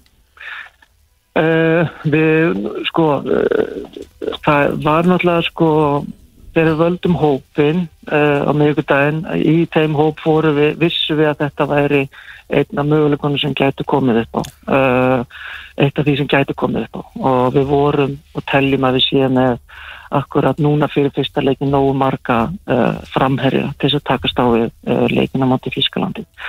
En síðan eins og við tölum um á miðvikudaginn á blagamannafundinum er alltaf möguleik á að kalla leikmenn inn, hvort sem það er fyrir leik 2 eða fyrir leik 3.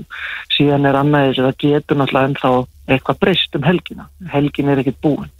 Leikmenn geta meðist á lögadegi eða sunnudegi og við þurfum að kalla leikmenn strax á mánudegi, eins og hefur oft gerst. Jú, jú, Þannig að við erum bara með augun opinn og við erum að, að reikna og við erum að skoða og við vitum alveg nákvæmlega hvað leikmenn við höfum og hvað leikmenn við getum kallað inn. En akkurat núna teljum við ekki nöðsynlegt fyrir leikinu mótið þjóðir honum. En eins og ég segi, eh, ég endur við, það getur vel verið að breytist eitthvað meira um helgina og þá uh, þurfum við kannski að kalla inn leikmenn í hvaða stöðu svo sem það, það er þá. Mm Það var svona eftir að hópurum var kynntur kannski svo leikmaður sem að svona já, mest hefur verið talað um að hafa ekki verið í, í hópnum hjá, hjá okkur, Viðar Kjartansson hann kom nú í, í viðtal þar sem að já, hann sagðist nú bara að hafa fundið það að hann væri bara hennilega ekki í, já, í plönunum hjá okkur var og er Viðar í, plönum ekkar? Já, já, ég úst, segi, sagt á þér, það er að sjálfsögðu allir í okkar plönum. Uh, það sem hefur framkomið er, er hins vegar alveg, alveg satt uh, að því leitum til að við höfum ekki haft uh, mikið samband við viðar. Uh, akkurat núna teljum við að þessi típa framherja að við séum með hann til dæmis í Alberti Guðmundssoni og það er einfallega þannig að sem þjálfari það þetta líka aðeins að rýna í það og aðtuga hvaða leiki ert að fara út í, hvers konar leikir þú ert að fara út í, hvaða, hvaða típur af leikmannum viltu hafa í hópnum. Og akkurat fyrir þess strategian fyrir þessi verkefni uh, fallaðu það að velja þann hóp sem við völdum núna. En uh, ekkert sem segir til um það að við verðum aldrei vera valin. Mm uh, Fyrstilegur, það er Þískaland, Jókim Löf, hann, hann tilkynnti hópin hjá, hjá sér í, í gær og það er svona, já, eitthvað áhugavert í þessu, það er náttúrulega með hérna Táninga, Musiala og, og hvað heitir hann, Flóriðan Virts hérna í, í bæðilega verkusen. Uh, engin, tóm, engin endur komið á Tómas Múler og, og Mats Hummels allavega ennþá. Er þetta svona cirka bát hópurinn sem að þið byggust við að sjá Löf velja? Já, ég, eina, eina sem að ég, sem að við vorum að býða eftir var eh, náttúrulega Hummels og, og, og Muller, sko, það var svona, það var svona spurningamerki, það var eftir á náttúrulega auðvitað að vera hérna volu sérfræðingur og segja að, að hérna að því að hann tilgýtti það að að hætta eftir Evropamóti að þá væri hann svona að taka kannski pressuna uh, frá að velja þá aftur inn af því að hann tók þá ákvörðun hann fyrir nokkrum mánuðum að, að hérna yngjöp liðu en þetta er svona, jú, að mestu leiti það sem að við hérna byggust, byggust og vorum að svona það sem við heldum að gæti komið frá þeim og það er ekkert mikið knaspinu sérfræðing til þess að lítið við þann hópu og, og, og sjá bara hérna, þetta er ágætt slið. Já, þetta er alveg fínasta lið. En þetta er ástæðan fyrir að gera landslýsjálfurinn minn. Þetta er, er svona, svona greiningar sko Já, þetta verður hérna rosalega nú bara, ég hitti nú, nú Sigga Dúllu í gæ, gæra fyrradag, manna ekki hvort það var. Og það er búið að vera ansi mikið púslu spil að setja þetta allt saman saman og nú er bara vonandi að það fer ekki að bæta þetta gós hérna til að, að tröfla þetta enn frekar En Siggi reyndi mér í morgun og spurði, herru, hversu mikilvægt er að að koma ykkur frá Ísland í þess að verkefni? Þess að það gæti vera við sem fastur. Þannig að hérna, ég baði hann bara um að senda búningana með þá skipi og hérna, þetta eru bara, þetta eru þrýr leikmenn, ef við getum fengið leikmenn að þrjá, Siggi má vera á Íslandi. Ég var, ég var um þetta í löfléttu spjalli um, um aðra hluti við, við Hannes Þór Haldursson í gerkvöldi og ég svona sagði við hann að að hérna var ég fyndið að það er loksist vört náttúru hamfæri til að myndi loksins missa sæti sitt í blæsi við landsliðinu sko. Þetta er eldgóðs til sko. En þetta verðist nú sem betur, ég held að þú þurfi ekki að hafa miklar ágjörðarnar, þetta er, uh, þetta er mikið útsinni gós, útsinni gós þannig að þeir, þeir mæta allir tíðin sko. Það er gott, það er gott að vita því. Við lögum til að, til að taka mótið hérna. Hvernig verður allir mættir og, og, og undirbúningur og svona keirður á staði sem loka undirbúningur Það eru svo, uh, tveir þriðju hófnum er að koma inn á morgun. Hinir restin er að koma inn á mánudaginn. Uh, fyrsti fundur hálf fimm á mánudaginn og fyrsta æfing kortir er fimm hálf sex á, á mánudaginn. Þannig að þá er allt farað að stað Gekkjað við eh, segjum bara gangi ykkur sem allra, allra, allra, allra best. Eh, Lökkum til að, að horfa á eh, ykkar fyrsta leik á, á 50 dags kvöldi alvar. Bara bestu kveður á, á, á staffið og takk fyrir að taka síman Amanda. Ég skila því, takk fyrir, vel, bye bye Bye bye bye bye Held ég, þetta var Arnó Viðarsson landslistjálfari í beinu útsendingu frá Þýskalandi þar sem að þar sem að hann er mættur á samt þjálfara teiminu þar sem að verið er undirbúið þannig leik sem verður á 50 daginn uh, verður í, í Duisborg eins og Arna sagði hefst uh, klukkan 19.45 svo erum við að tala um Armenia Ísland þarna á uh, sunnudeginum. Og við ætlum í þættinum þetta viku að reyna að ringja í haflega breyðfjör sem að verður þá mættur þarna til Armeníu. Já, já við fáum alltaf uppgjörs og undirbúningstátt Já, já, Næstilegu þetta verður, verður gómsætur. Heldur Ég er enda verð ekki hérna en ég svona eftir að útskýra það fyrir þér setna Já, ok. En Þú ætlar alveg að láta mig vita á því? Já, jú, jú, ég hef bara fatt að núna, ég verð ekki. Já, ok.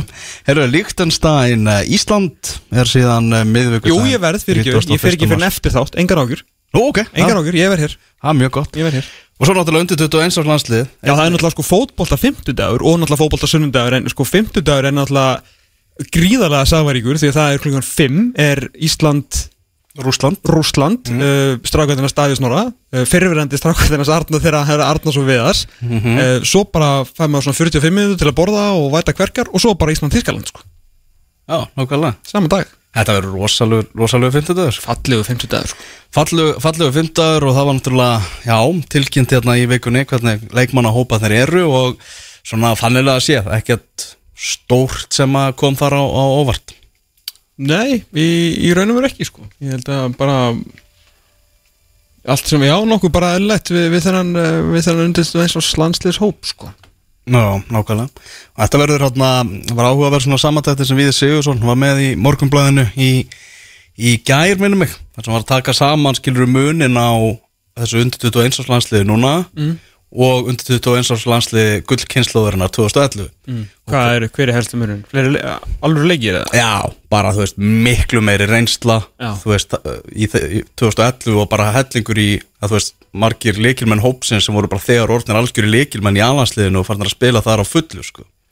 Sem er svona ekki alveg, alveg raunin. Heru, það er Herru, það er bara, þetta er bara leikur ársin sem er að fara fram hérna, ég segi kannski fullt mikið overstatement. Og 61. mínútu Kristinn Freyr Sigursson núna að skora í beinu útsendingu fyrir Valamóti KR en þetta geti verið allt og lítið, allt og seint. Því að uh, gömlu kallarnir í KR komast í 3-0 Óskar Örn Haugsson með þetta glæsilega marki uppbóta tíma í fyrirháleik síðan skoraði Guðjón Baldinsson uh, skemmtilegt mark eftir hotspillna á 47. mínútu og Guðjón Baldinsson aftur eftir stórkostlega sóknu K.R. á 50.50 mínútu en nú var Kristi Freyr að draga það aftur inn í leikin og Kristi Freyr tæklaði Óskar Örn alveg hressilega á hann allir bekkurinn á K.R. stóðu upp og, og trillingur í gangi þetta búið að vera virkilega flottu leikur og K.R.ingandi lítið að miklu betur út heldur en maður bjúst við svona í janúar eða svo sko. Já, það er bara búið að vera bara síðan við hendum hérna, hvað í sjötta sætið eitthvað í fyrsta ótíma Þeir bara spáni. trylltust, sko. á trilltust þeir og þeir eru búin að vera alveg á eldi síðan það var sko. Gjössanlega frábærir og, og Guðjón Baldinsson sko talandi um nýja uppáldi mitt hérna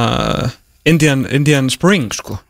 Ind, indverska vorið, hann ætlar að taka eitt tímabil svona geggjaður árun hann svona kannski fer, eh, fer að, eh, hvað er þetta, meðal aldurinn á káurleginu reyndar undir 30 árum þessu sinni, það er ósangjant að kalla það á gömlu kallana, 28 28,1 þannig að Stefán Átni Gersson og Hjalti Sigursson eru í liðinu. En hinum megin valslið, byrjunarlið í dag 31,8 ár Nákvæmlega, það er stál í stál sko. Já, Það held ég að þá. 3-1 fyrir KR gegn Val 67 minútur á klukkunni í áttalega úslitum lengjubikarsins, leikunni beint á stötu sport og einnig í beinni textalýsingu á uh, fotbolta.net uh, Skulum aðeins uh, vind okkur yfir í svona fréttir vikunar í íslenska boltanum. Jóhann Lótni í fjölni, hann var að skrifa til nýjan samning við Gravarvóks liðið, mikið búið frá orða hann við liðið í Pepsi-deltinni með hann að skagamenn en hann verður áfram í, í Gravarvóginum, ætlar að vera þar í í, eh, í hátna, leiki hlutverki í lengjudeldinni að hjálpa liðinu að komast aftur upp í, í Pepsi Max deldina Mhm. Þetta er að kemur aðeins óvart. Ég var svona nokkuð viss um það að hann, hann er þið eftir í deldinni þar aftur að fjölum myndi falla. Já, ég verður að vera, vera sammála því og mér finnst það líka svolítið skrítið en er náttúrulega, það er auðveldast á öllu að vita hérna hvernig hann er fættur því að hann náttúrulega er kallaður Jóhann Úleitt þannig að maður veit alltaf að hann er fættur fættur 2001 og það er svona auðvitað að færa nóg að spila og mikla ábyrði í, í B-dildinni en að því að hann búin að fá smjörþefin og rúmlega það af, af efstu dild og hann náttúrulega bara meiri nógu góður og var svona alveg oft á tíðum eða bara langskásti svona leikmaður fjölins á síðustu leitið og mjög skrítið að hann ekki teki skrefið og, og farið í eitthvað lið þar sem að hann fengi áfram ábyrði í efstu deild sko, ætla að hann verið tvítur í ár sko. Já, já, algjörlega. Það er svona, kannski bara en lengjudeldin hörku öllu deild og bara stíga skrefið í, í fjölinsliðinu það vonandi hann bara náði því og, og aðstóði sína menn. Já, en, en eins og ég segi, ég hefði allan að hef bæði búist við því og mögulega bara ráðláttunum að vera áfram í, áfram, áfram í efstu deild. En, en mikil styrkur fyrir, fyrir fjölinni að svona að haldunum sko. Hann verður vantarlega með já, með allra bestu leikmönnum í byrjildinu á næsta reyti sko. Algjörlega. Herðu, þetta er nú bara bref um það að eh, Díón Eikhoff væri á leiðin í Grindavík? Já, Já, var náttúrulega með þrótturum í fyrra en var meittur á tá eða eitthvað þarna eða bara allt tímabilið. Á hæl og tá. Já, spilaði afskaplega lítið. Já, þetta var væga sagt uh, daburleg endur koma í, í, í íslenska fótboltan hjá, hjá Dion Jeremy Eikhoff sem að þetta var já, var hann veitna bara mínum upp á hans leikmunum í þessari deil til að var að spila með, með, hérna, með val þá sérstaklega var hann alltaf algjössalega bara geggjaður hvernig, hvað hann var að gera og hvernig hann, hvernig hann spilaði og ákvað að fara í mjög mjög skrítna vegferðan til Finnlands. Mm. það var mjög svona áhugaverð áhugaverð nálgun á þetta. Um, það sem hann alltaf geta bara verið áhuga með val og örugglega fengið bara svipu laun en allt er lagi að róa okkur nýmið og svona en, en þessi endur koma sér fyrra þegar maður held að hann myndi mögulega ég veit að ég ger eitthvað rósir en einhvern veginn aldrei í gang út af út af meðslum, maður spyr sér líka bara hvar hvar svona hann stendur þú veist ég er svona almennt er ég bara fegin að hann verði einn áfram því að það er alltaf vonin um að að hann verði líkur sjálfum sér og þá er gaman að horfa á, á fótballtaleiki þar sem hann er inn á. En uh, ég ætla að vona að grindvíkingar sem er reyndar eiga alveg sæmilegan hauga af peningum sko. Þeim, þeim gengur vel, ég frétti það nú bara uh, ja, fyrir nokkur vikum mánuðu síðan að Ok. þeir, þeir stæðu vel og bara reksturinn flottur og, og gengur vel og bara með trösta og, og tryggja sponsa þannig að það er ekki verið að spenna bógan þar. Þetta er svona félag sem verið steiga fyrir því sem þeir eru að gera sem er bara glæslegt Mm, náttúrulega konu með Tiago líka í sína raður og Já, þetta er sko, er orðum þetta þannig Þetta er mjög einfalt sko, þetta er ekki erfiðast að teiki í vannarsanum Gríðalegu styrkur í hann er heill. Algjörlega useless ef hann er eitthvað eitthva meittur skilur Mhm. en svo spyrir maður sér bara, veist, heldur hann hraðanum? Hafa þessi meðsleika verið að hæja á honum? Því að hraðin er hans sko, eiginlega eina vopn, en það er rosalega gott vopn sko. það er svona eiginlega eins og bara, þú veist, kjarnorku sprengja þegar það virkar. Mhm. Heyrðu, Dagur Dan Þórhalsson komin heim, komin í fylki.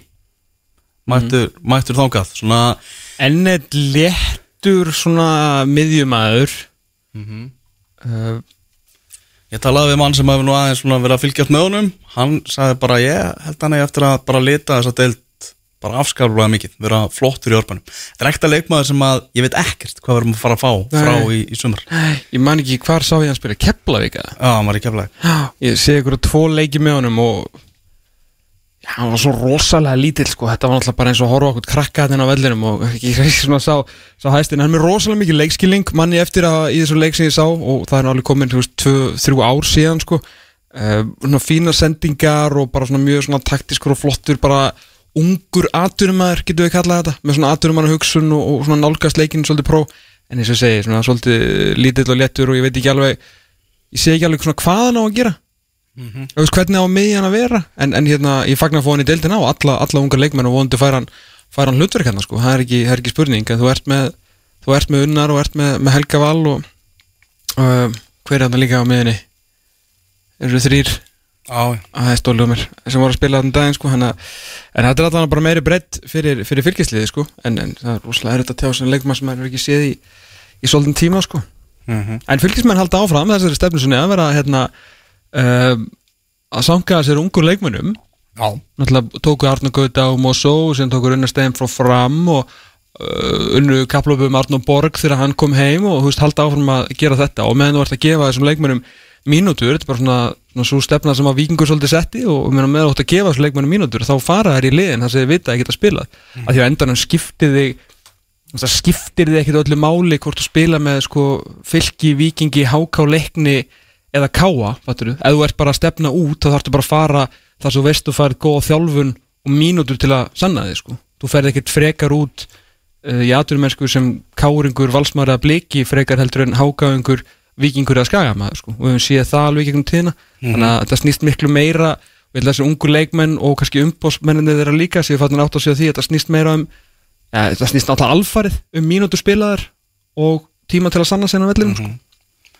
Herru kjapvikingar, þeir eru búin að vera í 11. sæti í uh, ótímabæri spánu okkar uh, eða báðum spánum okkar uh, Þú sást það nú í, í gær á heimaðalli hamingjunar. Hvern, Hvernig fannst þér þess? uh, þeir, eru, þeir eru um margt uh, ágættir sko Rúnar uh, Vinstribakurur er frábær hann er frábær og bara í fljótu bræði hverju í lengjudeldin undanfærin tvö ára er hann búin að vera í liði umferðarnar alltaf Nei, ég meina hann lagði upp, lagði ekki upp öll mörkin á mútið skaganum eða þú veist allavega tvö eða eitthvað Mhm. og öll mörkin í gær, ef maður rétt fyrir, fyrir keflinga Hann er með svona sérstaka spinnutakni Já uh, Sko fyrst, spyrnan hans fyrir markið Mm. mm. Ég vona alltaf víkend er búin að rosalega latið við að klippa þetta saman úr, úr hérna, spídeó eða vídeo hérna, kamerunni því miður En sendingin hans, að, að því sögðu allir að segja Ingur Jónsson sem er enda mittist held ég eitthvað illa í gæri held hann að fara úr, úr liðið eitthvað Já, uh, var að tala um eitthvað fjóra til sex vikur á hann Já. Já. Ég er náttúrulega ótrúlega þreyttur á því að hann drulli sér ekki af línunni og komi og grípi fótbolta hann inn á tegnum Ég bara, ég get ekki hort upp á þetta lengur En sendingin fyrir markið í fyrsta marki keflægur í Já. Þetta var præm Hjörtur Valgarsson Þetta var trublaður bolti fyrir markið sko. Algjörlega trublaður, hann er geggjaður. Joey Gibbs mun skora ef hann fór færi. Þetta snýst bara um að halda honum frá því að fá færi Því að hann, þetta skiptir engum máli hvort það sé að sparka í lengjudeldamörk Eða Pepsi Max deldamörk Ef að hann fær færi mun hann skora er að bara, en, en hvort hann fái þessi færi að Því að vikingsvörðin er náttúrulega með svarta belti í því að, í að opna sig og gefa mönnum færi sem að ég náttúrulega hef ekki ennþá skilið það sko. Mhm. það var svolítið ósangjant því að varnarleikurinn hefur verið tekin í gegn. Ég er bara ennþá svolítið heitur sko. Ég var, ég var striktur í gær eftir að hendur sér frá sér sko. En keflaugulegð, haldum okkur við það. Sindri í markinu uh, eða bara, hann er bara góður í markinu, betur en hann var. Bróður hans mættur, Ísak Óli Ólafsson eða mættir eftir EM 21 ás á láni frá Sandaríska já, það verður styrkur að beða mennum að, um að róa sig sko, hann var ekki eins og hann var ykkur world beater þegar hann fór út úr lengjudeldinni og nú er verið að senda hann heim sko. Þannig að, en hann er góður og þetta er undan 21. landsliðmaður hann er, veist, bara ekki setja þá pressu á hann hann er að fara að halda kepla uppi sko. En þessi bræðra tenging og, og eru bara flotti sko, með frábæran hæri bakur restin af vörninni svona, hæ? Uh, uh, Já, svo er bara hitt svona þessi Marley Blair, þetta er, þetta er skrokkur en svona hversu mikið hann eftir að búa til fyrir þá, er risastór strákur, uh, Joey Gibbs er alveg frábær en svona það vantar aðeins inn á, inn á miðjuna. Ég er náttúrulega aldrei verið mikill aðdáðandi Frans Elvarsson og sérstaklega ekki, ekki efstu deild. Og þetta er erfitt uppdráttar í geðin eins og þú veist, Júli Magn alltaf bara var bara með hann í, í rasvarsanum sko, þetta var hann ekki þannig sko, en þeir eru, þeir eru léttleikandi, þeir eru óhrættir spila fjóri fyrir tvo sem er ótrúlega skemmtilegt. Uh, það er mikið hraði þessum kíjan og bara þú veist allir sem eru búin að fylgjast með lengjudildinni síðustu ára náttúrulega er ekki að heyra neitt nýtt. En það eru, þú veist, það er alveg brotalamið, þú veist, það er lítið reynsla vörnin er ekki alveg nógu sterk uh, gætu verið svona svolítið teknir í bakari á miðinni en á með þeir halda þessi svona, þú veist, vopnin eru klálega Rúnar, fóturinn hans Joey Gibbs og svona, og svona stemning sko. En liðið er ekki en ég er ekkit endilega að sjá að fara niður með Ísagóla sko, með hvernig skæðin er að spila. Mm uh, Hinnir nýlegaðnir leiknismenn þeir tilkynntu einnig um nýjan leikmann á, uh, í vikunni, Octavio Paes sem er fyrsti leikmann frá Venezuela sem að mætir hérna í íslenska boltan 21 á strákur. Já, það var Afríka síðast er að leiksmenn er uppi og nú er það Söðra Ameríka Já. Jöfulli ánægð með ykkur. Já, Kom aðeins með að- eitthvað nýtt? kom með eitthvað nýtt og aðeins að, lita, lita deltina og hafa Hvað er gaman, það búin að vera að gera? Ég frétti að hann fekk nú ekki mikið strákur sem að kemur upp í gegnum Alaves mm. uh, og Alaves og þetta króatíska fótballtalið þarna er í einhverju samkurli Mhm. sem var að spila með. Það er svona affullin detta svolítið þanga fekk nú ekki eitthvað mikið að spila. Hvað, hvað spilar þessi gæi og hvað getur hann? Af hverju, hverju keftur hann? Þetta er hérna, þetta er bara Já, virkilega svona alveg komin í 3-2 áhugaverður og, og skemmtilegur leikmaður. Ok, uh, hæfileikaríkur, svona sóknar miðjumæður uh, vondi verður hann frábær.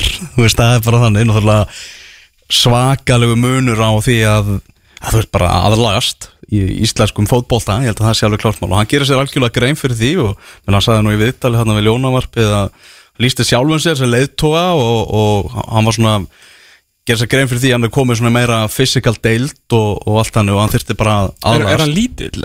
Já, þetta er nú lítill og nettur. Ok, strákur 21 á skamall Ok. uh, og hann er af sko úr risa fótboltafjölskyldu í Venezuela þessi Páes fjölskylda. Ok.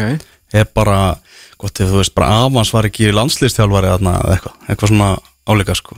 Ok, hún er royalty bara í Venezuela fútból royalty? Já, þannig að hérna það verður spennandi að sjá og það er hérna uh, stefnan að koma eitthvað meira frá Suður Ameríku hefur einhver á þess að, að hérna, fara að eðlika fyrir daginn og helgina já, En hefur einhver Suður Amerikumæður byrju, ég trú ekki Valur er að fara að eh, Víti, þetta er Víti. Valur að fá víti hér. Valur að fá Víti og raukt spjald.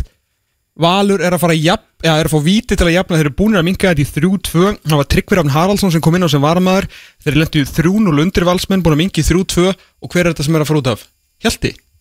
Nei, ekki Arnur Nei, Nei. 28, Hjalti, Hjalti Sigursson brýtur á Sigur Agli Lárusson í dauða færi og Patrik Pedersen er að fara á punktinn til þess að breyta 3-0 stöðu í 3-3 Beitir Ólason í gammásíum með húfu og hanska eðlilega í markinu. Mhm. uh, hérna, ekki að fylgja þessari vítaspilni hérna eftir. Ívar Óri Kristjánsson er á uh, er á flautinni og þurftur hann ekki að hugsa sér lengi um þarna, frábær sókn og svona smá miskilningur í, í varnavinnu þar sem að Patrik Pedersen vann boltan uh, kom hann á Kristinn Frey og þann fór hann á uh, Sigur Egi Lárusson 80 mínútur sléttar á klukkunni í staðan er Valur 2, K.R. 3, Patrik Pedersen klár á uh, punktinum til Varnar, Beitir Ólason Ívar flautar og Patrik skorar tilturlega þægilega staðan er hann 3-3 og Valur klárar leikin manni fleiri Já, tíu myndir eftir að leiknum. Þetta fljótt að snúast við í þessum bolta maður. heldur betur. Herðu uh, Þú ætlar að vera leiðilegur Já, það er leðilur Já. Hefur einhver sögur mm. Amerikumæður funkar í afsteldu Íslandi? Nei, haldið ekki. Nei. Mástu þér, hvað þetta er Santos þarna, sem var í Leiftri og Ía eða eitthvað fyrir mörgum, mörgum árum síðan eitthvað braslíumar Hann var samt góður. Já, Það var strækir þar sem Já. skora þrennu í víkin tíma 99 eða eitthvað. Já, hann var, hann var frábær. Það var hæfileikar, voru hæfileikar í honum. Já, En svo á hinn- komu hann að sprellikallarnir í, í þrótt sem ég held að end, fengur ekki dóm eða eitthvað, það voru kerðið, það var svona eitthvað voða vesen að þeim sko, Já, það var eitthvað þeir þeir En ég meina, þú veist, það hefur aldrei komið leikmaður frá Venezuela til landsins. Nei. En þessi gaur hefur sko uh, búið í Barcelona og svona Þannig, þú veist, og spilað í Kroatíu. Þannig að hann er ekki að koma bara beint frá Suður Ameríku Og þú veist, jú, jú, þetta er tilraunastasemi Það er alveg klárt mál en, en það er ekki bannað að prófa nýja hluti? Nei, nei, meina það er að koma í þess að Pepsi Max-delt og reyna að hafa gaman, sko. Einmitt. en hvernig svona hvernig römbuðu inn á þennan markað? Já, bara Siggi Höskulds er búin að skoða 700 leikmenn held ég eða eitthvað. Bara, þú veist og búin að fara einhverja leiðir og internetið leitt hann hinga og þangað, sko. Hann er fengið að kynast ímsum, ímsum önnum já, hann að það er stjarnan fylgir hann er að byrja eftir 20 mínútur í eh, í lengju byggarnum og uh, það er að tala um það að eh, nú er Daniel Lagstall með fyrirlaðbandi og Hilmar átnið samt inná var Hilmar átni orðin fyrirlið hann búin að vera fyrirlið bara allt prísið svona sko. ah. það er kannski bara eitthvað að vera að prófa þetta og testa. Ja, eins og Óskar Rapsaði þetta ána þá er náttúrulega þetta stjórnulið uh, svolítið, uh, svolítið spurningamerki sko. Já, það, það er þannig það sko. Uh, og þessi, já. Þorgir Leó, hann verður með textalýsinguna frá þeim leiki á Samsung vellinum í, í Garðabæ. Er ekki ekki frá öllu leikjar með það Jú, og svo breyðabli Káa sem verður klukkan 16 og hann verður einnir síndu beint sáleikur á uh, Stötur Sport það er mjög svo, mjög svo áhuga að verður leikur ekkert meira sem ég var að gerast í þessari viku ja. Uh, nei, ekki innlandabóltanum, er það nokkuð? Erum, við að gleyma ykkur? Endilega henda okkur brefi ef, að, ef við erum að gleyma ykkur Her, Ég ætla að gera tilraun þetta eftir og ég tek það fram, þetta er tilraun Ok. uh, Þráinn Steinsson er ekki í húsinu, Ok. þetta gæti mér sannast Já. Við ætlum að reyna að heyra í uh, Sæbyrni sem að mætti til Ungarlands í morgun lendi í Ungarlandi í morgun Ok. Hann er að fara að uh, fjallum undir 21 ás landslið og uh, þetta Europamót sem framundan er ok. Og ætlum að reyna að ringja hann í gegnum tölvuna hérna. Það verður ekkert mál. Ég Þetta er það áhyggjur. já, ég er full að trúa þér. Þetta verður gaman. Valur þrjú, káir þrjú. Og verðum með uh, loka mínunar hérna í beinunsningu Þú ert að hlusta á Exið. 977 Það held ég út á státtunum fótbolti.net hér á X977 Við ætlum að núna að eh, hringja til Ungverja lands þar sem að eh, Sæbjörn Þór fréttarættari, fótbolta.net er stattur, feskur og kátur og uh, vonustu þess að hann heyri okkur Er það Sæbjörn? Já, sælir, sælir. Heyrðu, þetta virkaði Sjálfsög, ég ekki Ef ég er meiri trúa en þú Vá, tæknin maður. Já, Fleitir áram, heyrðu, hvar ertu nákvæmlega, Sæbjörn? Herri, ég er þrjár mínútur frá hótelinu þar sem að strákandi verða. Já, undir 21 ás landslið, þetta byrjar á 50 daginn, þú komst bara í morgun, er þetta eitthvað svona samt búin að ná aðeins að, að, að snúa þér í hring og lítið kringu þig? Já, ég tók röltið og skoðaði svona aðstæður og hún að finna næstu búð og svona sjá hvað er í kring. Mm -hmm. Þetta lítur allt bara ljómandi vel út og ég held að já, allavega það sem ég sá á þessu hóteli og aðstæðinu fyrir aftan á vellinum þá eru þeir í toppmálum sko. Hvað, hana, hvað heitir, heitir þessi ágæti bær hann í Ungverjalandi þar sem að leikir okkar stráka að fara fram? Uh, bílstjórinn allavega sagði bara gjör, þannig að ég gerir bara ráð fyrir því, að þetta sé bara gjör. Það er jóði í rauninni í stað fyrir húsvöðinni. Það er gjör í Ungverjalandi Er þetta ekki, er þetta ekki handbóltabær? Er ekki besta hvenna handbólta félagsliði í heimi búin að vera í gjöri í mörg árið? Jú, þetta passar hjá þér, Tom. Þetta handbóltahöllin er bara rétt hjá þessu, þessari aðstöðu sem strákarnir verið í. Þetta er bara næsta húsirinn við, sko.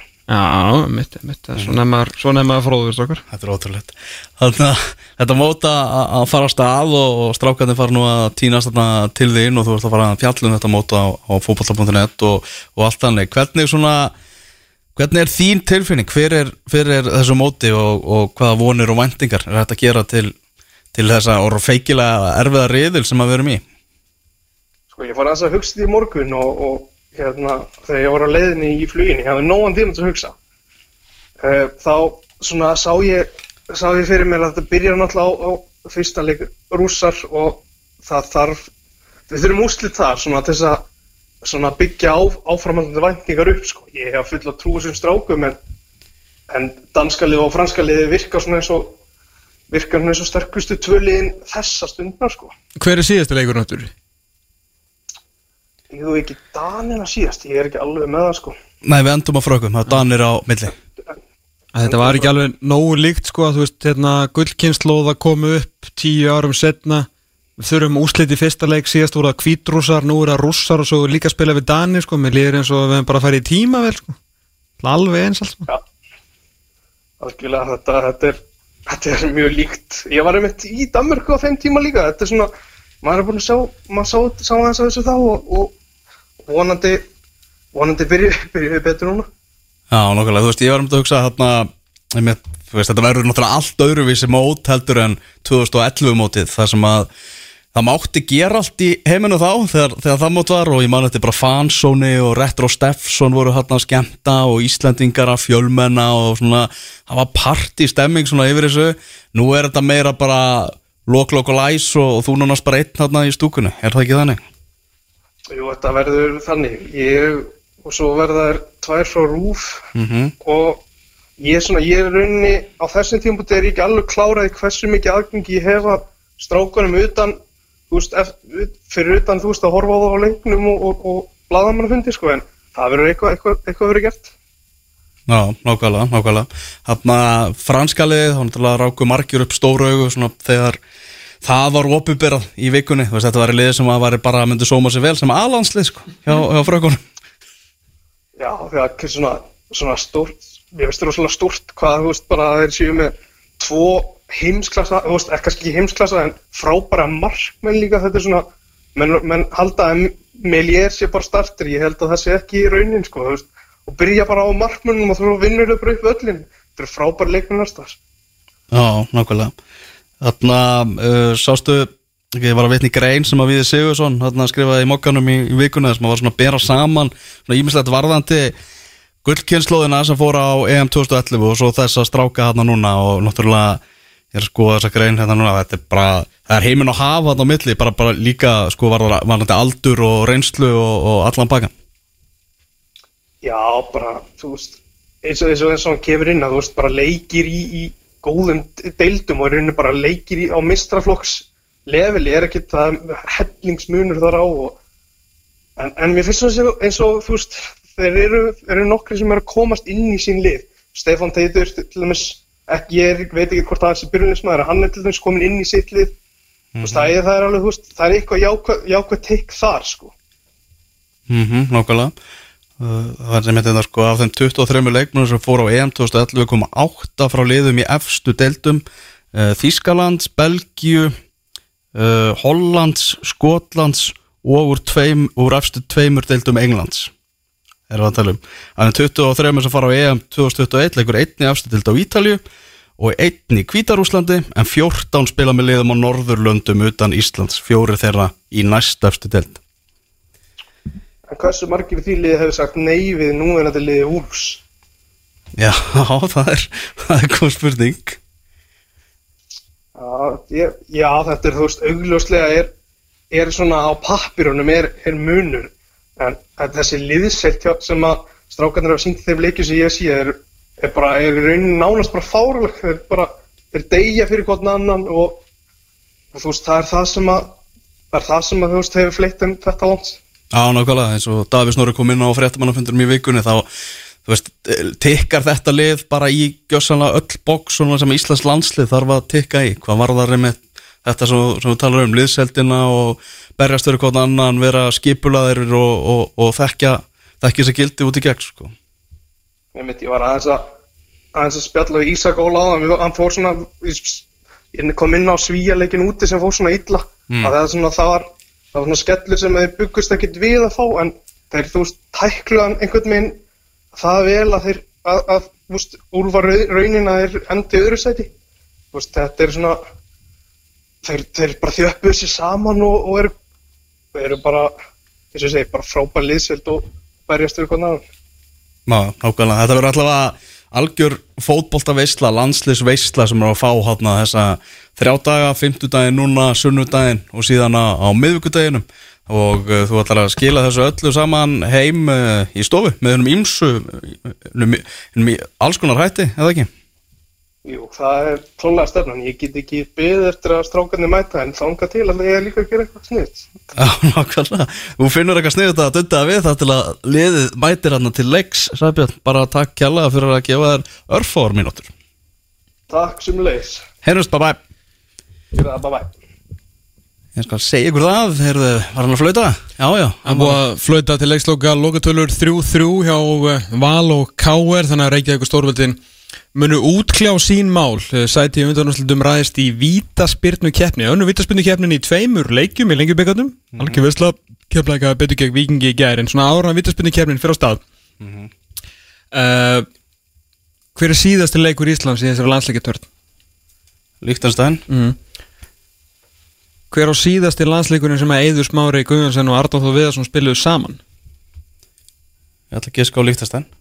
Það er eh, 3-0 tapið fræga þar sem að eh, já, hann fór hún bara hér allt í skrúna í þeim blessaða, blessaða leik. Arnóð Þór Viðarsson átti aldrei eftir að spila landsleik eftir það, landsleisferðlinn hans uh, já, honum lauk hérna, 30, þá var hann 30 báðir eru Já. alltaf 78 mótel og hérna og verið félagar uh, lengi. Eður Smári áttur endur eftir að spila í uh, ein 8 ár til viðbútar og lauk sínum landsleisferðli á, á Statu Frans í Saint-Denis, hvorki meirinu minna í 5-2 tabi gegn Fraklandi en, en áttur náttúrulega eftir að, að, að, að, að eiga góða stundir og fara með strákunum okkar uh, hinga á þanga og meðal hans á, á stormót en, þetta var náttúrulega Já, þetta var svartu blettur, svona þessi leikur en við, við hefum komið langa leið síðan þá Já, þessi leikur verður því miður, hann verður eitthvað rifiðar upp í fjölmjölum hérna í aðdraðanda leiksins á móti líktanstæðin. Já. Það er alveg klárt mál. Annar leikur sem verður kannski skemmtilegra að rifja upp, það verður, það var leikurinn hérna þar sem að Heiðar Helgusson fór hérna enni í enni á móti Oliver Kahn. oh,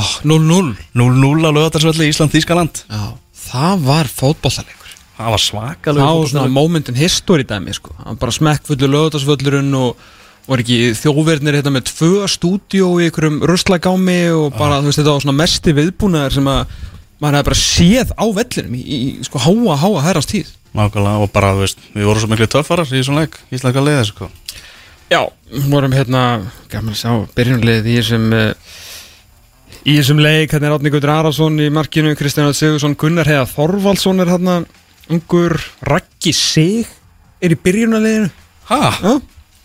Já, Já, Þannig er ok. hann sko 86, hann 22 ára gammal Ívar Ingimarsson og Raggi Sigur er meðverðir Artur Þó Viðarsson, ætlaði að giska að vera vinstri bakur hérna. Nei, Kristján Örn og Raggi er vantilega að vera hægri bakur er hvað, ár er það? 2008 2007 fyrir er fyrir, fyrir hérna EM 2008, 17. oktober 2007 fór þessi leiku fram. Brynjabjörn Gunnarsson, Eiður Smári, Jói Kalli og Emil Hallfreðsson sem er leiðis 84 mótil hérna, rækki sig yngstur í liðinu 86 innkomu. Áskir Gunnar Áskjesson sem var álíka fljótur og Ben Johnson eins og segir í læginu, Ármann Smári og þessa skiptingur ég ánaði með. Það nátti að redda hlutunum. Hákallin, Helgi Sig hann kom inn á hann kom inn á, er hann ekki komið, hann er komin heim þarna. 2007, hann er Íslandsmyndstari með val. Ekki meira en að minna sko? Egilur Sverrisson, uh, það var uh, já, spjótin stóðu að honum sem landslið sjálfara eftir, eftir þetta tap. Óhætt að segja það. Á þetta segja sá segja. er svarti, svarti blettur. Já,